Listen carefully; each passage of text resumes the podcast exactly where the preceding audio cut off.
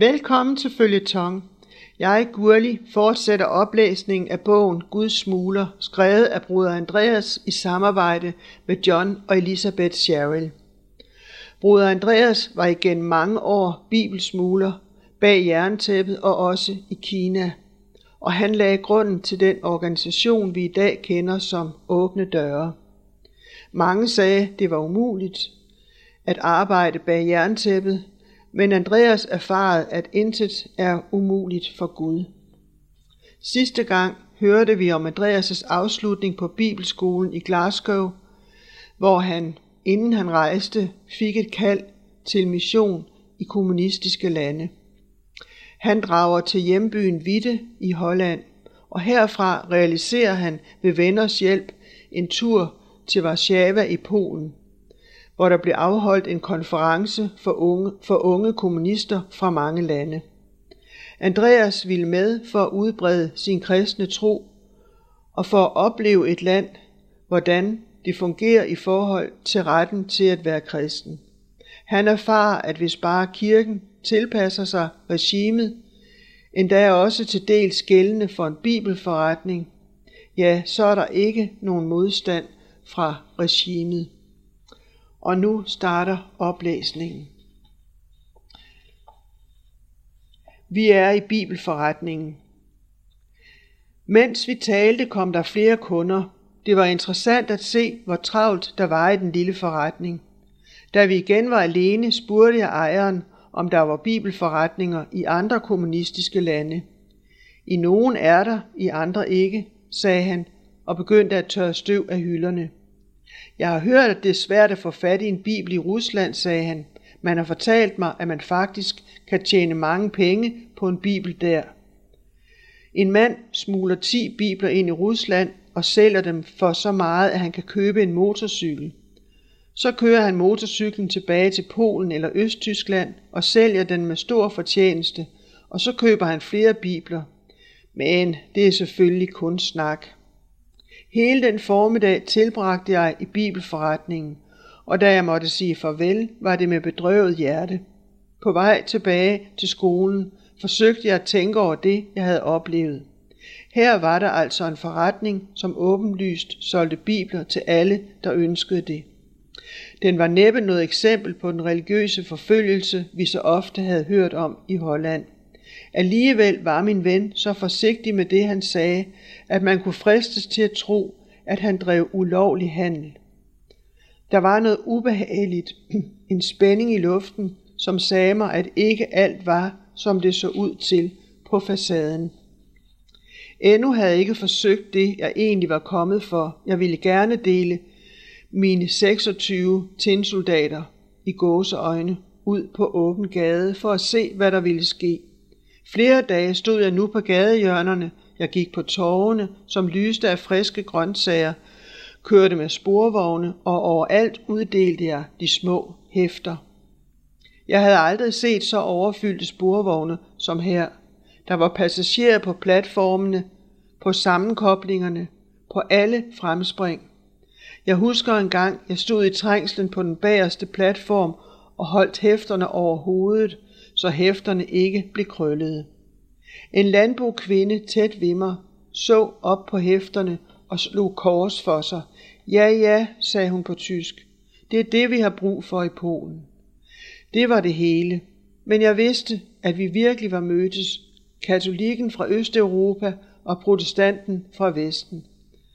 Der på den tæt overfyldte sporvognsplatform mødtes vi som kristne. Som dagene gik, og der ikke var ubehagelige konsekvenser af, at jeg havde delt hæfterne ud for alles øjne, begyndte jeg at føle mig opmuntret over mulighederne på denne uventede missionsmark. Men så opdagede jeg en dag, hvor stærk min egen pessimistiske holdning stadig var.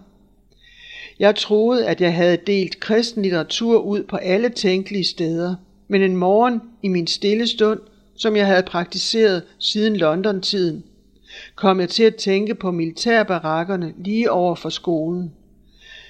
Det var ikke kun det, at det aldrig var faldet mig ind at dele hæfter ud til soldaterne, men bare synet af soldaterne fik mig til at sætte farten op i den anden retning. Så blind man kan være. Jeg burde vel vide bedre end nogen anden, at uniformen ikke skaber manden. Dagen før festivalen sluttede, gik jeg hen til den gruppe på seks soldater fra den røde armé, som stod på vagt, og gav hver af dem et hæfte. Mændene kiggede på hæfterne, derefter på mig, og så på hinanden. Jeg fortalte dem, at jeg var fra Holland, og fandt ud af, at en af dem talte tysk. Den amerikanske besættelse gør jeg vel bedre, sagde en af dem. Den hvad for noget? Det amerikanske flyvevåbens besættelse af Holland. Jeg var midt i et forsøg på at forklare, at vi ikke var noget besat land, da soldaterne pludselig rettede sig op og stod i givagtstilling. En officer nærmede sig, og han brølede ordre på polsk, mens han nærmede sig. De seks soldater vendte om og marcherede bort. Men jeg lagde mærke til, at de tog hæfterne med sig.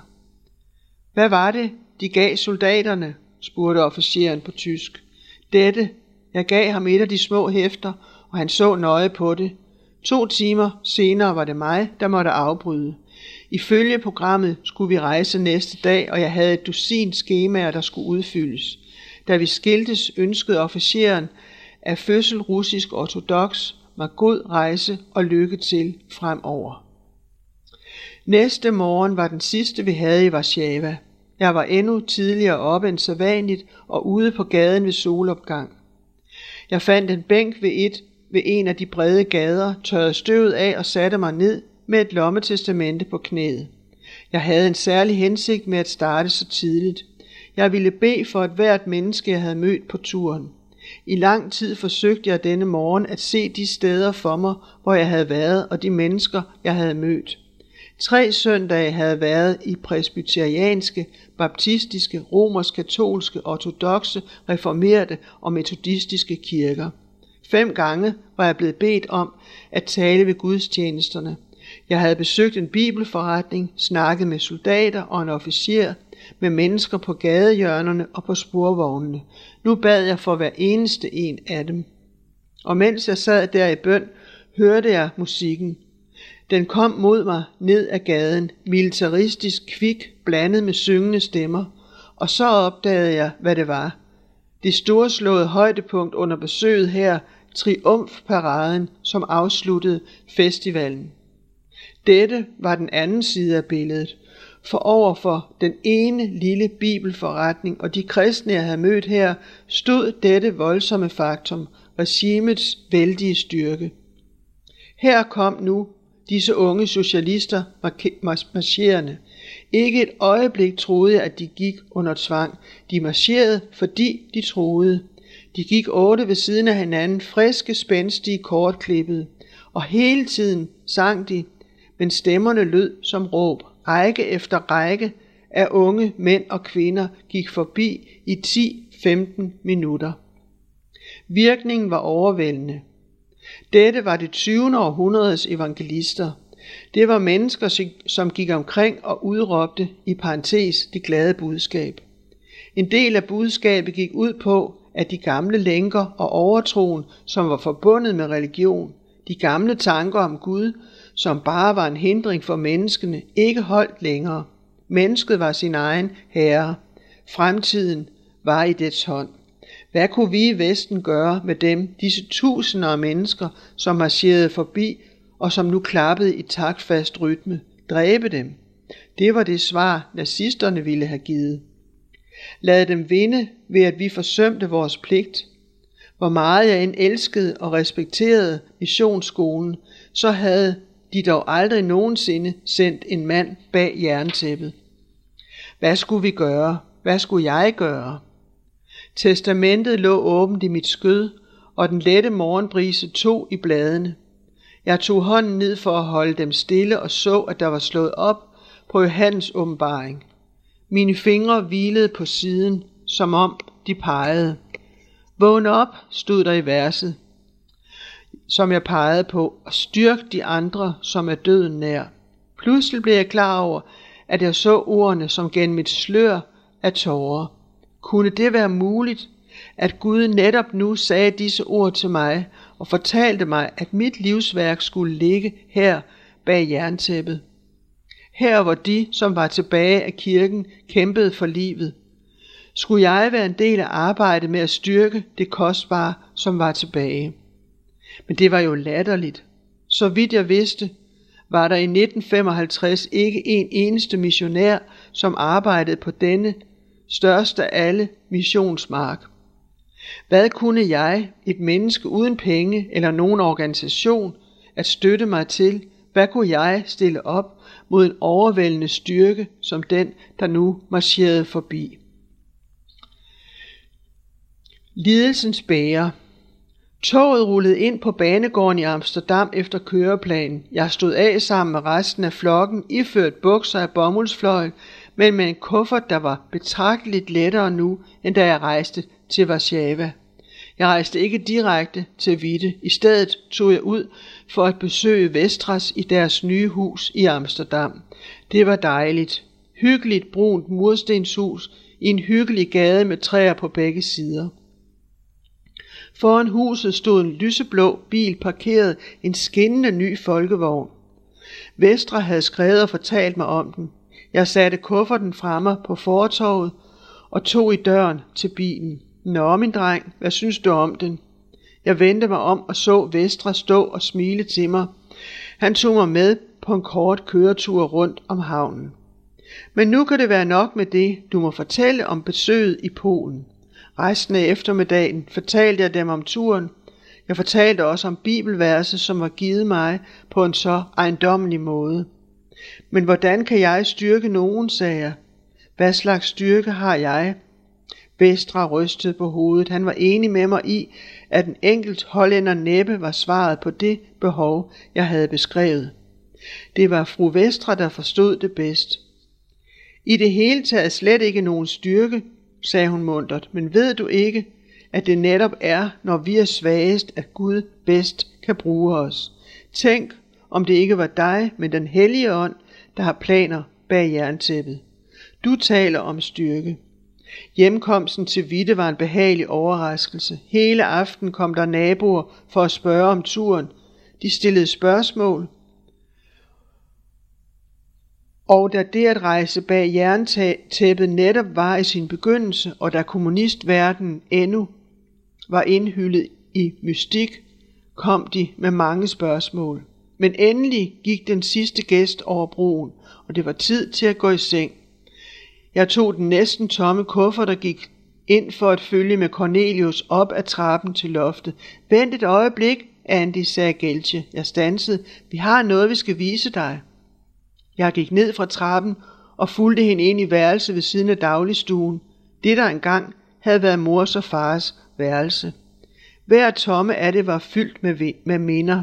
Jeg så for mig min afdøde bror Bas, da han lå i sengen, og jeg så mor i de sidste måneder af krigen for svag til at løfte hovedet fra puden. Andy, nu da vi har fået gjort det nye værelse i stand til far, sagde Gelche, har vi bestemt, at du skal have dette værelse. Jeg kunne ikke finde ord for det, jeg følte. Selv i mine vildeste og lykkeligste drømme havde jeg aldrig forestillet mig mit eget værelse. Jeg forstod, hvilket offer det var for Ari og Gelche at sætte et værelse af til mig i dette ellers så lille hus. Til du gifter dig, råbte far fra dagligstuen. Han begyndte nu oftere at komme med den slags bemærkninger, til sin 27-årige ungkalesøn. Kun til du gifter dig. På en eller anden måde fandt jeg malet igen eget værelse. Efter at resten af familien var gået til sengs den aften, lukkede jeg døren, gik rundt i mit værelse og følte på møblerne. Tak for stolen, Gud. Tak for kommoden. Jeg ville selv lave mig et skrivebord. Jeg ville stille det her, og så ville jeg sidde i timevis herinde og studere og arbejde og planlægge. Jeg havde ikke været hjemme en uge, før invitationerne begyndte at strømme ind. Kirker, klubber, kommunale grupper, skoler, alle ønskede at høre om livet bag jerntæppet. Jeg sagde ja til alle, dels fordi jeg trængte til den betaling, jeg fik, men også af andre og stærkere grunde. Jeg følte, at jeg gennem disse taler ville finde ud af, hvad jeg mere skulle gøre. Og det var netop det, der skete. En kirke i Harlem, hvor jeg skulle tale en aften, havde slået plakater op over hele byen, hvor der stod, hvordan de kristne lever bag jerntæppet. Jeg ville aldrig have dristet mig til at tale over et sådan emne efter kun et tre ugers besøg i en by, med disse plakater fik i det mindste mange til at komme. Salen var fyldt, plakaterne trak også en gruppe kommunister til mødet. Jeg lagde straks mærke til dem. Nogle af dem havde været med på turen, og jeg tænkte på, hvilke spørgsmål de ville komme med. Til min overraskelse fortrak de ikke en mine hverken under talen, eller da der bagefter var anledning til at stille spørgsmål. En af kvinderne kom hen til mig. Hun havde været leder af den hollandske delegation i Warszawa. Jeg kunne ikke lide deres tale, sagde hun.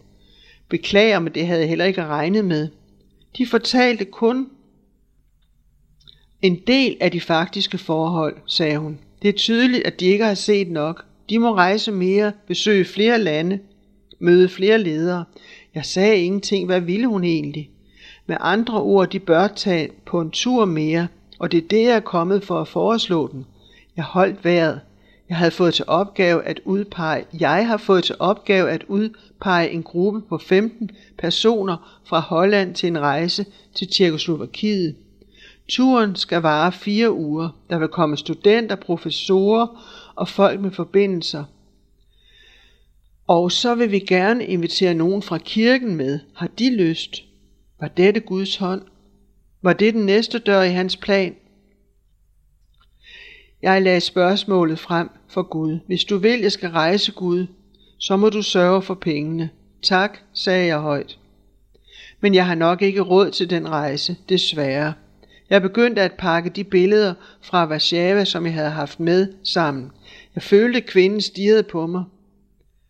Jamen, den klarer vi. Jeg så op. Hvad mener de? Jo, det med pengene. De skal ikke betale noget. Sådan begyndte min anden tur bag jerntæppet. Jeg undredes over, hvad Gud ville, at jeg skulle lære i Tjekkoslovakiet. Mod slutningen af de fire uger fandt jeg svaret. Overalt havde vi hørt om den religiøse frihed, folk havde under kommunismen. Her i Tjekkoslovakiet, fortalte guiden, var der endda en gruppe lærte, der betalt af staten netop havde afsluttet arbejdet med en ny bibeloversættelse, og nu var de i gang med en ny bibelordbog. Jeg kunne godt tænke mig at hilse på disse mennesker, sagde jeg. Samme eftermiddag tog jeg med til en stor kontorbygning midt i Prag.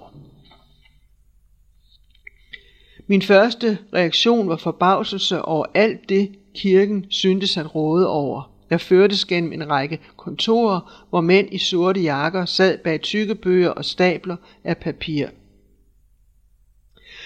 Og jeg spurgte, om jeg måtte se en kopi af den nye oversættelse, og fik forelagt et meget tykt manuskript, der bar, stor af, der bar spor af mange fingre.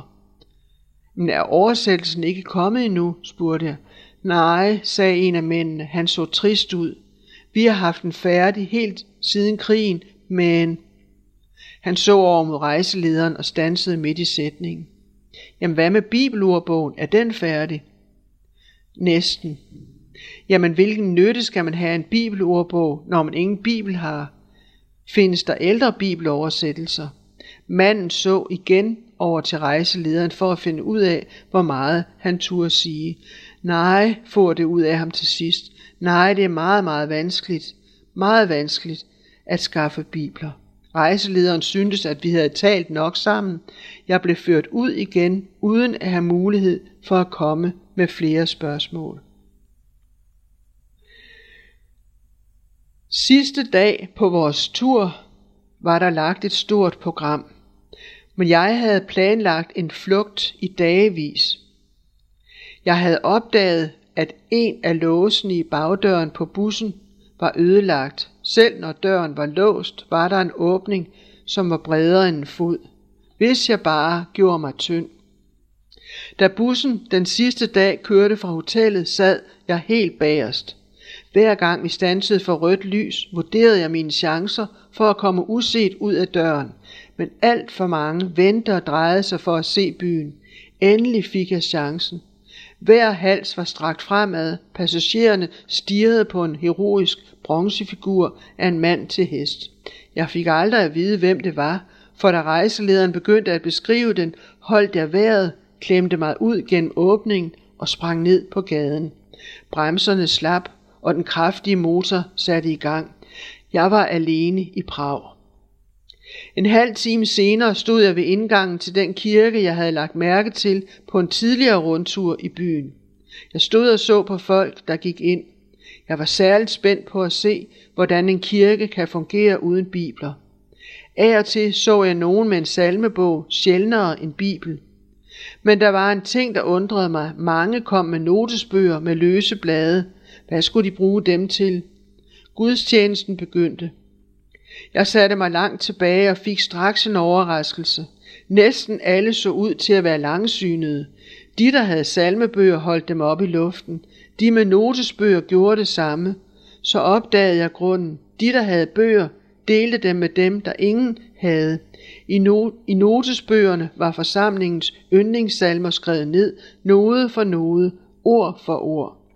Det var det samme med biblerne. Da taleren nævnte teksten, fandt alle, der havde bibler, stedet frem og holdt Bibelen så højt, at vennerne i nærheden kunne følge med i teksten. Mens jeg sad og så på disse mænd og kvinder, som bogstaveligt kæmpede for at komme ordet nær, lukkede jeg hånden om min hollandske bibel i frakkelommen. Hvor havde jeg altid regnet det for givet, at jeg kunne eje denne bog. Jeg tænkte, at jeg aldrig ville kunne tage Bibelen frem, uden at mindes den gamle kone foran mig, som næsten stod på tær for at se ordene i den bibel, som sønnen holdt frem. Efter gudstjenesten præsenterede jeg mig for prædikanten, da jeg nævnte, at jeg var kommet fra Holland, hovedsageligt for at møde kristne i dette land, blev han overvældet.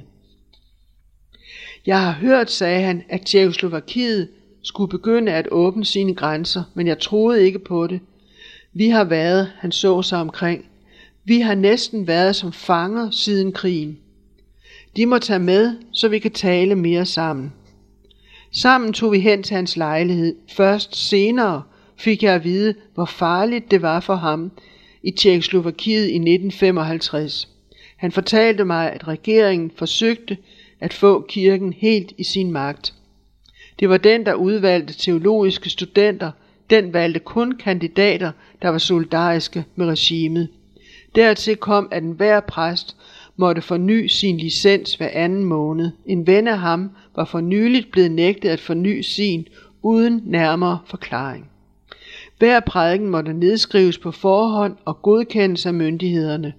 Hver kirke måtte opgive navnene på sine ledere til de statslige myndigheder. Samme uge var fem brødre i Berono blevet tiltalt, fordi deres kirke op, ikke opgav navnene på deres ledere. Det var nu blevet tid til anden del af gudstjenesten i kirken. Vil du holde tale for os? spurgte han pludselig.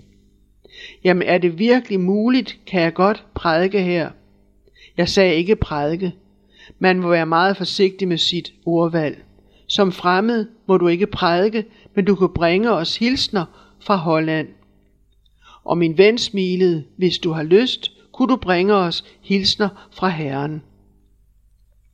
Min tolk var en ung medicinstuderende, der hed Antonin. Først bragte jeg hilsner fra Holland og Vesten. Det tog nogle minutter, og den næste halve time bragte jeg så hilsner til menigheden fra Jesus Kristus. Det virkede så godt, at Antonin foreslog, at vi fortsatte samarbejde i en anden kirke. Alt i alt prædikede jeg den dag i fire kirker og besøgte fem forskellige kirker. Alle var mindeværdige på hver sin måde, men den sidste mest af alt. Det var her, jeg modtog lidelsens bære. Klokken var syv om aftenen, og da det var november, var det allerede mørkt. Jeg regnede med, at rejsegruppen nu var virkelig ængstelig for mig. Det var på tide, jeg forsøgt at finde dem. Men akkurat som jeg stod og tænkte på dette, spurgte Antonin mig, om jeg ville tage med til bare én kirke mere, hvor jeg tror, de har særligt behov for at møde nogen udefra. Så drog vi endnu en gang gennem Prags gader, og vi kom til en lille kirke. Jeg blev forbavset over, hvor mange mennesker, der var til stede, især unge. Der må have været mindst 40 personer mellem 18 og 25 år. Jeg frembar mine hilsner og besvarede de spørgsmål, de havde. Kunne kristne i Holland godt få arbejde? Var der nogen, som meldte det til regeringen, hvis man gik i kirke? Kunne man gå i kirke og alligevel komme på universitetet? Forstår de, sagde Antonin bagefter. Det er upatriotisk at være kristen i Tjekkoslovakiet. Nogle af dem, de så i kirken, er sat på den sorte liste. De kan ikke få arbejde. De har ikke mulighed for at studere. Og han tog en lille æske fra en ung mand, der stod ved siden af. Det er grunden til, at de gerne vil give dig denne her. Den unge mand talte alvorligt til mig på tjekkisk. Tag denne med til Holland, oversatte Antonin, og når nogen spørger, hvad det er, så fortæl dem om os, og mind dem også om, at vi er en del af Kristi læme, og at vi lider. Jeg tog æsken og åbnede den. Der lå en frakkenål af sølv, formet som et lille bæger. Jeg havde set, at mange af de unge bar den, og havde spekuleret på, hvad det betød. Antonia fæstede den til min jakke. Dette er et symbol for kirken i Tjekkoslovakiet. Vi kalder det lidelsens bære. Da Antonin havde forladt mig ved hotellet, tænkte jeg på disse ord. Jeg fandt ud af, at vi i Holland var lige så isoleret fra det, der virkelig skete i den moderne kirkehistorie, som de kristne i Tjekkoslovakiet var, men på en anden måde. Lidelsens bære var et virkelighedens symbol, som vi måtte dele. Men nu stod jeg over for en anden virkelighed. Hvor skulle jeg møde min gruppe igen? Jeg gik til en restaurant, hvor vi havde spist flere gange. Nej, gruppen fra Holland har ikke spist her i aften. Men er det da for sent til, at jeg kan få et stykke smørbrød? Selvfølgelig ikke. Jeg havde kun taget en enkelt bid af smørbrødet, da døren til restauranten fløj op, og rejselederen kom ind. Hun så sig hurtigt om, fik øje på mig og drog et ufrivilligt lettelsens suk, men i næste øjeblik lyste hendes ansigt af vrede. Hun løb over til mit bord, kastede en pengeseddel til tjeneren og pegede mod døren. Det var tydeligt, at hun ikke ville begynde at snakke. Udenfor ved kantstenen holdt en regeringsbil og ventede på os. Nu skulle vi køre til hotellet. Lige før bilen stansede, sagde rejselederen sine første ord. De har opholdt gruppen en halv dag. Vi har kontaktet hvert eneste hospital, hver politistation. Til sidst kontaktede vi ligehuset. Uheldigvis var de heller ikke der. Hvor har de været? Åh, jeg kom væk fra jer, sagde jeg. Så gik jeg lidt rundt. Jeg er virkelig ked af alt det besvær, jeg har skaffet dem. Jeg må nu officielt meddele dem, sagde hun, at de ikke mere er velkommen her. Hvis de forsøger at komme ind i landet igen, vil de nok erfare det. Og det gjorde jeg. Et år senere søgte jeg igen om visum til Tjekkoslovakiet og fik afslag. To år senere forsøgte jeg igen, men fik atter afslag.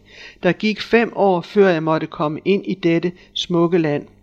Og i mellemtiden havde jeg set så meget til kristendomsforfølgelse, at Tjekkoslovakiet virkede som et frihedens og tolerancens land. Det var alt for denne gang. På genhør.